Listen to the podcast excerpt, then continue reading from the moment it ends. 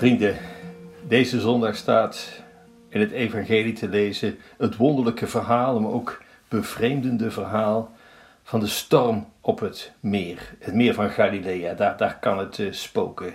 En dat kan zomaar van de een op de andere moment flink tekeer gaan. Wat is er aan de hand? De leerlingen zitten in de boot. En inderdaad, het slaat om. Van het een op het andere moment gaat het daar stormen. Het water slaat over de boeg en ze dreigen naar de haaien te gaan. En Jezus, die slaapt. En al die commotie, Jezus slaapt. Ze maken Jezus wakker en dan zeggen ze: Meester, kan het u dan niks schelen dat we vergaan? Wat gebeurt er? Jezus staat op, gebaart naar de wind. De wind gaat liggen, de golven komen tot bedaren. En dan stelt hij een merkwaardige vraag: Waarom zijt ge zo bang? Ja, waarom zijt ge zo bang? Um, angst lijkt mij heel logisch in een dergelijke situatie, waarvan je niet weet of het wel goed afloopt. En toch, Jezus zegt het: Waarom zijt ge zo bang? Angst is kennelijk het tegenovergestelde van geloof. Want Jezus zegt: Waarom zijt je zo bang? Meteen gevolgd met door de zin: Hoe is het toch mogelijk dat je nog geen geloof bezit? Angst is kennelijk niet het tegenovergestelde van zekerheid. Zekerheden die maken angstig, omdat je bang bent om ze te verliezen. Wat is nog zeker? U kent het bekende gezegde: uh, dood en belastingen. Verder is alles onzeker. En toch, waarom zijt je zo bang? Een van de woorden die Jezus trouwens het vaakst uitspreekt, een van de zinnen die hij het vaak zegt, zijn: Wees niet bang. Dat is een leidmotief door alle evangelies heen. Wees niet bang. Johannes, de evangelist, die verwoordt het al dus: Volmaakte liefde bandt alle vrees uit. Ja, hoe kun je je angst kwijt? Kennelijk volmaakte liefde geloof. De vraag die aan u en mij wordt gesteld vandaag is misschien wel: waar bent u bang voor? Wat bent u bang om te verliezen? Dylan heeft een keer gezongen: If you ain't got nothing, you ain't got nothing to lose. Oftewel, als je niets hebt, heb je niets te verliezen. Het is waar. Wat bent u bang om te verliezen? Welvaart, uw huis, status, uw pensioen, vrienden, invloed, uw goede naam, reputatie. Als u van uw dokter te horen zou krijgen dat u nog maar vier maanden te leven hebt, zou u dat angst aanjagen? mij wel, vermoed ik. En toch, Jezus zegt het: wees niet bang voor niets en voor niemand.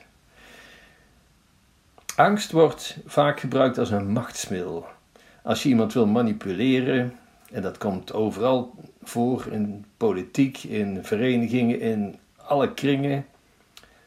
Wat doe je dat je ervoor zorgt dat een ander je niet tegenwerkt? Wat doe je dan? Leer zijn angsten kennen. En zo gaat het in het politiek bedrijfsleven en maatschappelijk leven.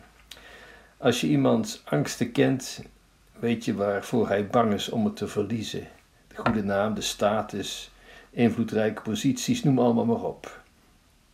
Iedereen heeft zijn prijs. We kennen dat gezegde.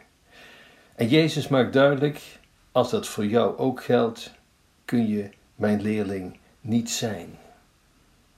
Hmm, dat is nogal wat. Misschien mag ik u meenemen naar een prachtige film met dit thema A Man for All Seasons. Ik zal het eens een keer laten zien aan onze jongere groep, denk ik. Het is een prachtige film. Um, waar gaat het over? Thomas More. De heilige Thomas More staat erin centraal. En die kwam tegenover koning Hendrik de 18e, de 8e te staan in de 16e eeuw. Het is het verhaal van een man die zich niet laat intimideren. Hij heeft geen prijs. Hij houdt aan zijn principes vast, wat het hem ook kost aan zekerheden. Als de film begint, u moet hem eens gaan bekijken. Hij is oud, maar niet gedateerd. Als de film begint, nou, waar zijn we? In huiselijke sfeer van Thomas More, omringd door zijn gezin, door goed gezelschap. Het is de tijd dat More het al maatschappelijk ver geschopt heeft, op een hoge treden in een maatschappelijke ladder. En dan heb je dus heel veel te verliezen. Wat gebeurt er? More krijgt bericht van de kanselier, Woolsey is dat, kanselier, nou vergelijk het met de premier, vooruit maar. En die nodigt hem uit voor een gesprek. Kanselier is uh, na de koning het hoogste ambt in, uh, in Engeland. Dus een man met status. Um, en Woolsey die vraagt More op gesprek. En wat doet Woolsey, deze kanselier? Hij prijst Thomas More. Hij complimenteert hem met van alles en nog wat. Hij vlijt hem aan, aan alle kanten. En als iemand dat doet, ja, dan weet je dat ze iets van je willen. Vooral als zoiets nou ook nog eens midden in de nacht dat je opgebeld wordt. Nou, gebeld niet in die tijd, maar dat je gevraagd wordt om op gesprek te komen. Woolsey is in vol ornaat gekleed, zo zien we, en dan komt het. Woolsey zegt tegen Thomas More: Je hebt me tegengesproken vandaag in het parlement. Ja, zegt Thomas More. Waarom? vraagt Woolsey. En Thomas More in alle eerlijkheid antwoordt: Ik meen dat uw standpunt niet juist is. De meeste van ons zouden bijdraaien en zich onderwerpen als je in zo'n positie komt, om je eigen positie veilig te stellen. Maar Moore doet iets anders. Hij geeft eerlijk antwoord. Een tijd later, als Woolsey sterft, wordt overigens Thomas More zijn opvolger. Hij is dan de kanselier. Hoger kun je niet stijgen. Maar wat speelt er ondertussen? We weten het, de geschiedenis van Hendrik VIII. Hij wil gaan scheiden. Hij heeft zijn oogje op een andere vrouw. We weten het, de paus geeft geen toestemming. Wat, wat voor iedereen geldt, geldt voor, ook voor Hendrik VIII. Huwelijk is onontbindbaar. En Hendrik VIII, deze koning, dreigt te breken met Rome en zijn eigen kerk te stichten. Dat zou hij ook doen, de Anglikaanse kerk. More vindt dat een slecht idee. Breken met Rome, apostolische successie. Nee, dat gaat tegen zijn geweten in. En bovendien, het hoofd van de nieuwe kerk, ja, dat is ook een moordenaar. Hendrik VIII probeert zijn kanselier, des Thomas More, om die om te praten. Hij komt zelfs naar het huis van More om te praten. Dat, dat, dat is nogal wat. Als de koning van Engeland, Engeland, koning Hendrik VIII, naar je toe komt om met je te praten. Ook dan weet je, die wil iets van je. Hendrik VIII, de koning, begint More te prijzen. Hij heeft voor niemand meer respect dan voor More. Zo zegt koning Hendrik en niemand heeft meer invloed dan Thomas More vanwege zijn positie, zijn integriteit enzovoorts. En dan wordt More's gezin ook nog eens geprezen, eh, enzovoort enzovoorts. En dan, je voelt het aankomen, dan vraagt koning Hendrik VIII aan Thomas More om een speciale gunst. Ja, wie zou dat kunnen weerstaan? De koning zelf die zoiets komt vragen. En More die had heel wat te verliezen. Macht, status, noem het hele rijtje maar op.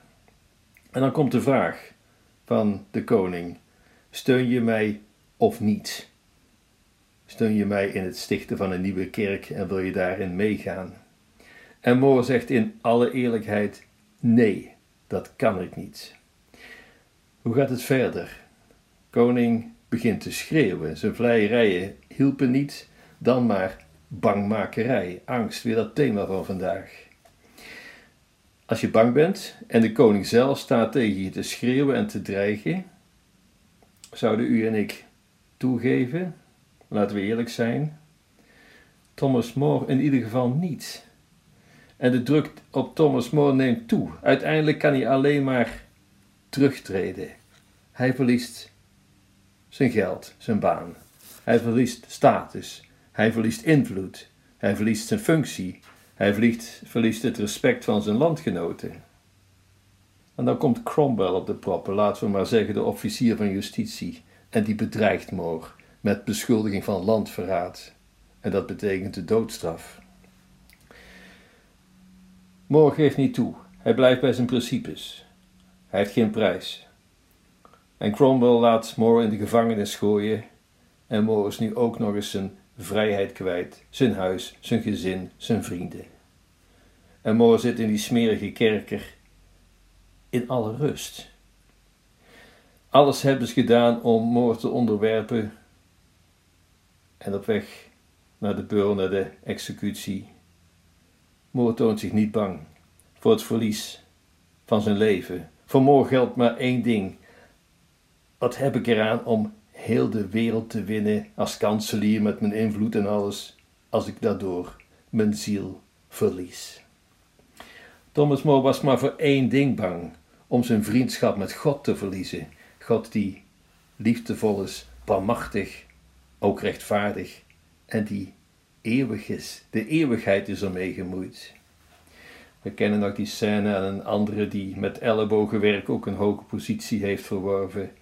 Ja, en die om die positie te verwerven Moore moest verraden, dat deed hij dan ook. En Moore komt hem tegen op weg naar het schavot.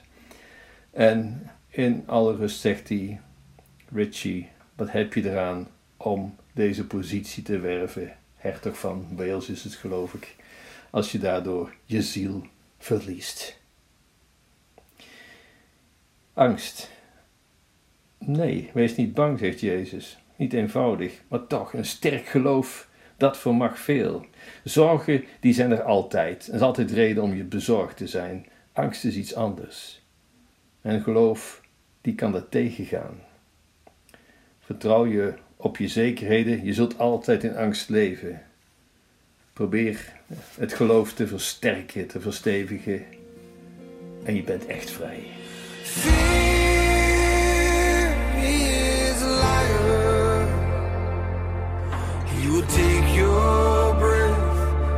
Stop you in your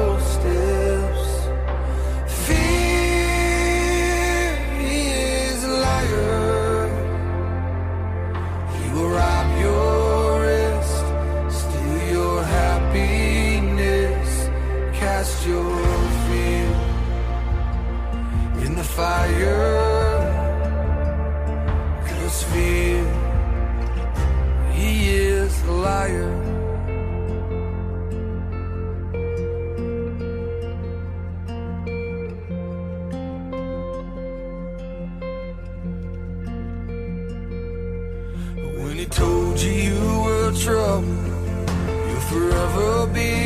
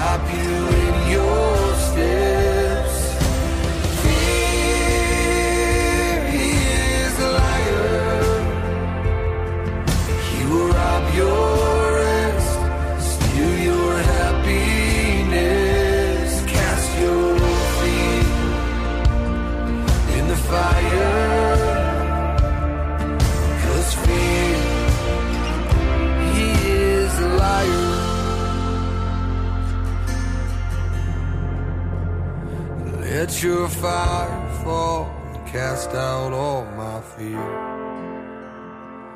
Let your fire fall, your love's all I fear.